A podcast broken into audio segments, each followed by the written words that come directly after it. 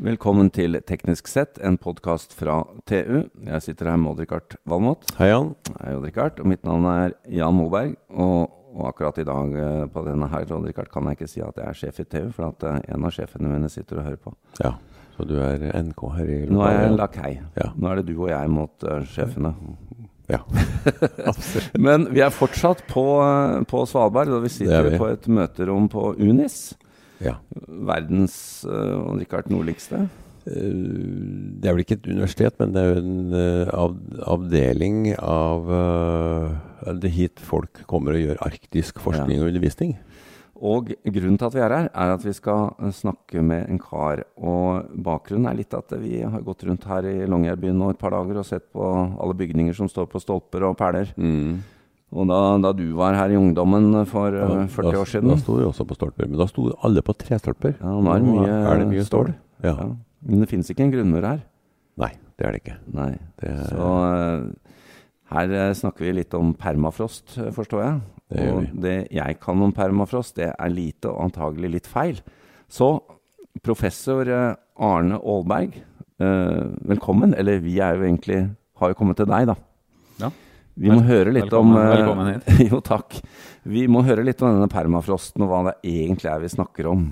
Uh, og disse bygningssystemene. Og dette har jo du peiling på, skjønner vi, siden du er leder på teknologiavdelingen her ved UNIS.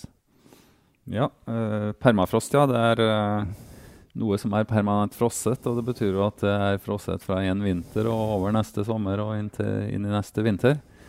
Og forblir sånn. Eh, vi har en lufttemperatur på Svalbard som historisk skal ligge rundt eh, minus fem grader eller kaldere. Og da gjennom lang, lang tid, mange år, så har bakken blitt frosset ned til i hvert fall minus fem grader.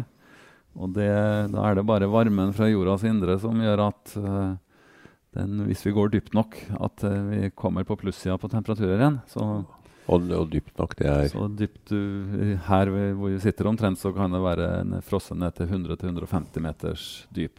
Hvis vi er høyt oppe i fjellet, som er mer eksponert for kalde temperaturer, og hvor varmen lekker både sideveis og oppover, så kan det være frosset helt ned til 800 meters dyp. Oppe i fjellet her.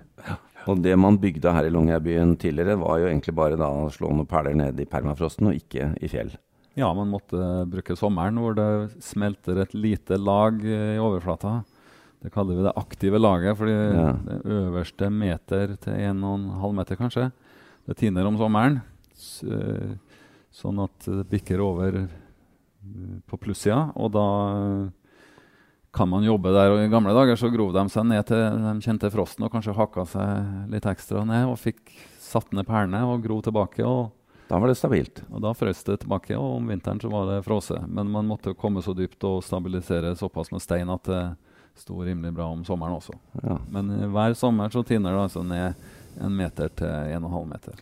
Men disse, disse um, varskoropene som vi hører nå da om at nå, nå forsvinner permafrosten, eh, det er jo ikke helt riktig. Men eh, hva er det egentlig som skjer her på i Svalbard? Det som skjer, er at eh, de klimatiske prosessene påvirker Svalbard mer ved lufttransport og vanntransporten til Arktis. Den bringer med seg mye varme. Klimaendringene får et litt større utslag her. sånn at Ja. om det blir en grad varmere globalt sett, så vises det, det blir større utslag i Arktis. Sånn at det kan bli kanskje to grader varmere her. Så det aktive laget øker? Da Istedenfor å være i fem grader i gjennomsnitt i løpet av året, så kan, hvis vi kommer ned på minus tre grader i gjennomsnitt i, i året, så begynner det å smelte gradvis ned gjennom bakken. Og det her er jo prosesser som uh, tar lang tid. Det har jo tatt på titusener av år å fryse bakken mange hundre meter ned. Og det vil også ta tusenvis av år å tine det helt til bunns. Men uh, vi mennesker vi bor på overflata, og vi, vi går på vi går på bakken på, på, på, på marka og må forholde oss til den temperaturen som er rett under beina våre. Og husene våre er fundamentert bare noen meter ned, så de vil jo være de første som får merke at bakken smelter ovenfra og ned. Men bare, dette har jeg lest litt om. Er det nå sånn at man her i Longyearbyen nå fundamenterer mer helt ned på fjell? Det er eh, masse sedimenter, løse avsetninger her som er frakta av vannet gjennom mange år. Så i dalbunnene hvor vi bor, så kan det være for langt ned til fjellet. Ja, fortsatt, ja. Men det, i dalsidene så er det jo kortere vei ned til fjell. Så det, Hva, re- hva regner man som trygg dybde her nå, når man skal fundamentere et nytt stort bygg, slik som det vi sitter i nå?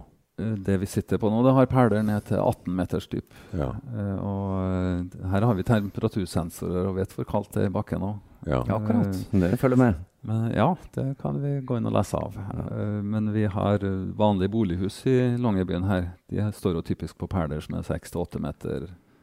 Og de er da bora ned i den frosne bakken. for man klarer ikke å dunke, Litt bedre teknologi. Ja. nå enn en på 20-tallet, kanskje. ja, for da Mm. måtte man med håndkraft få ned perlene, og da kom man ikke så langt. du drev ikke og pæla da du var her, Odd-Rikard? Nei, Nei. det gjorde jeg ikke. Og jeg var her om vinteren, og det var kaldt, ja. Da var det ingen Jeg har aldri frosset så mye i mitt liv. Nei, du er litt skremt når vi går rundt Ja, her. det er kjølig.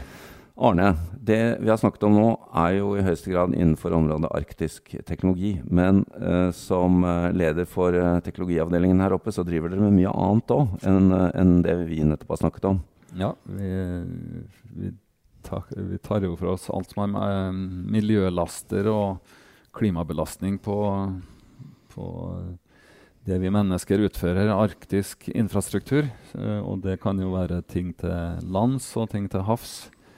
Så vi underviser i is og vann og bølger og krefter fra, i, på havet og i kystsonene. Men eh, vi tar også for oss landsida med geoteknikk og jord og, og frost. Ja, og det, det her blir jo veldig aktuelt i eh, norske forhold når vi ser på aktivitet i Barentshavet og virksomhet i kalde områder, både i Arktis og Antarktis. Jeg går ut fra at det, det er jo et, et fantastisk laboratorium her oppe.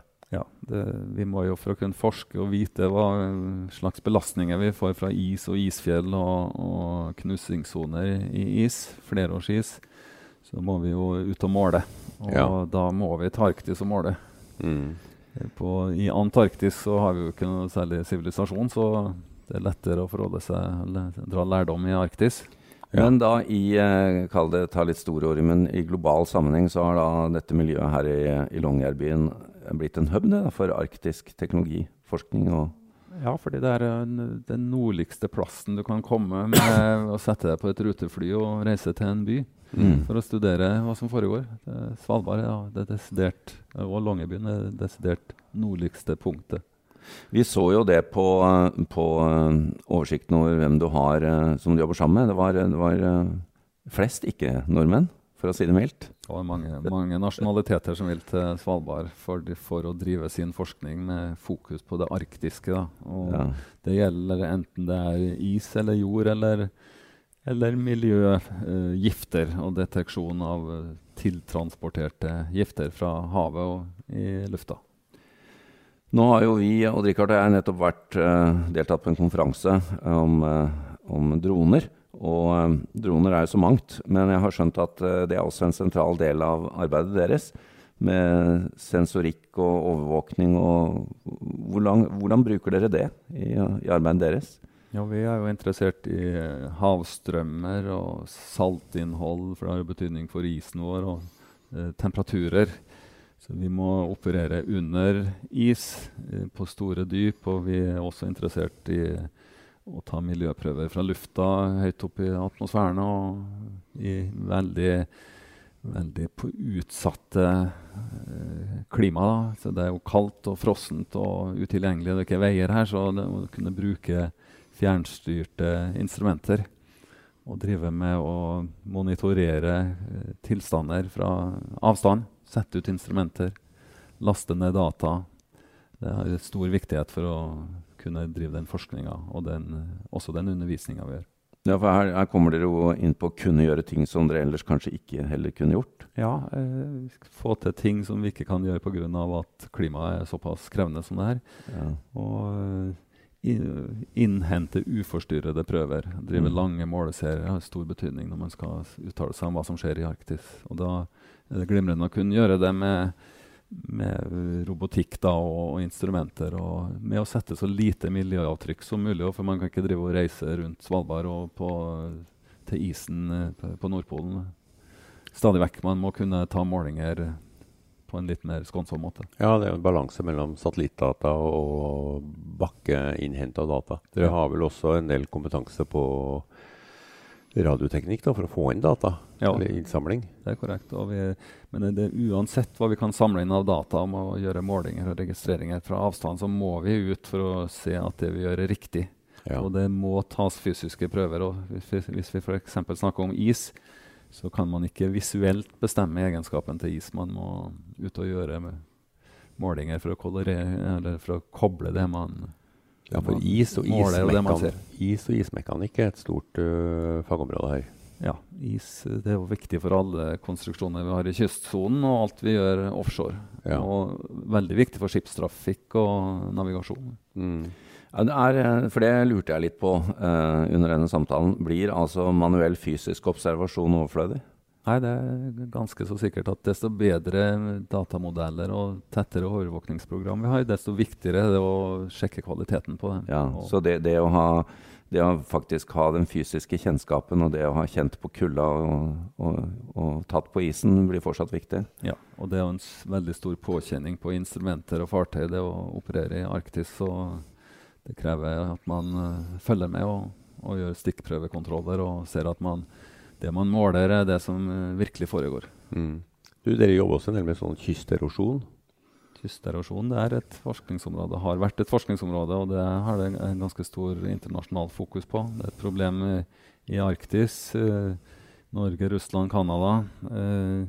Blir det varmere klima og mindre islagt hav, så spiser havet mer av kystene. Ja, det har vel bokstavelig talt skjedd her.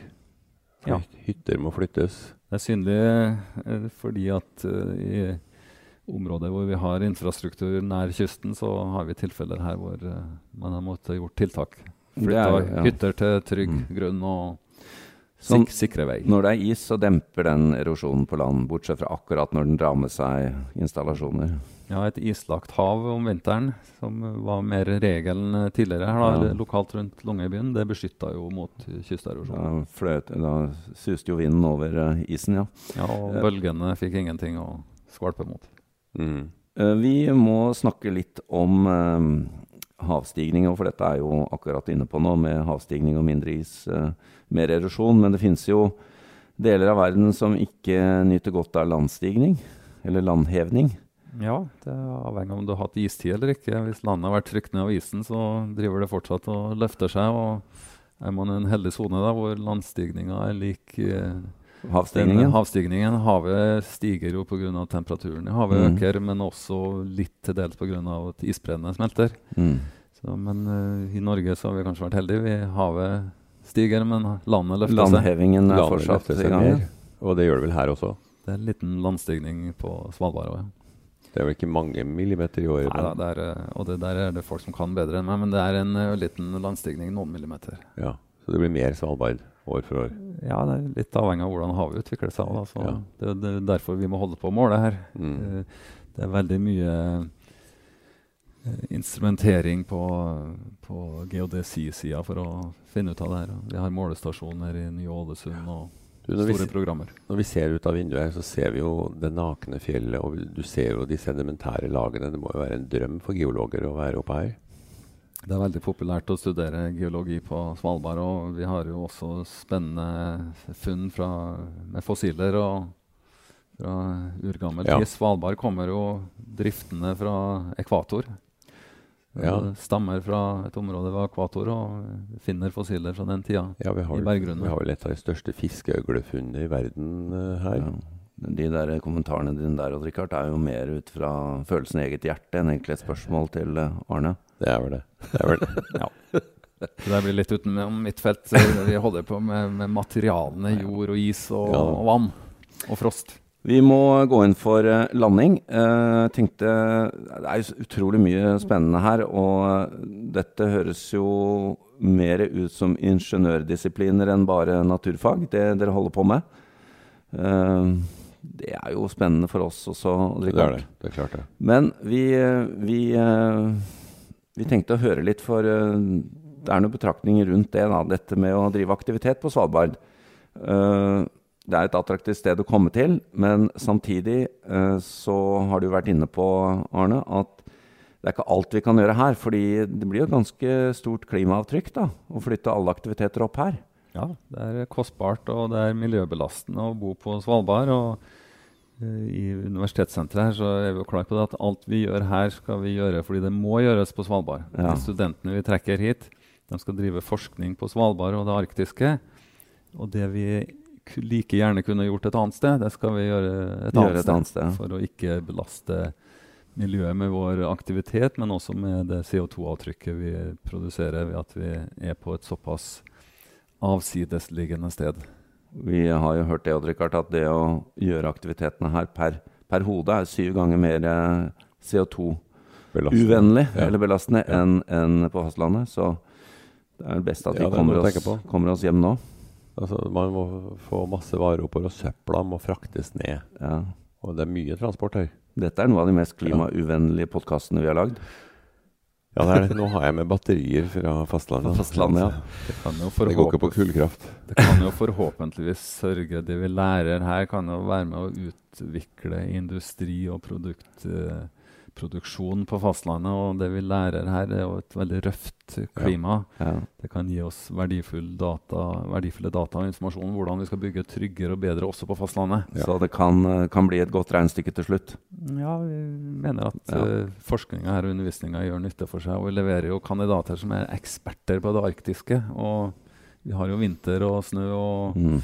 Og is i Norge òg. Arne Aalberg, vi får eh, takke eh, for oss eh, for denne gang. Takk skal du ha. Vi pleier jo å si Odd Rikard, at vi kan hende vi kommer innom igjen. Det kan være. Takk til dere. Takk. Hei.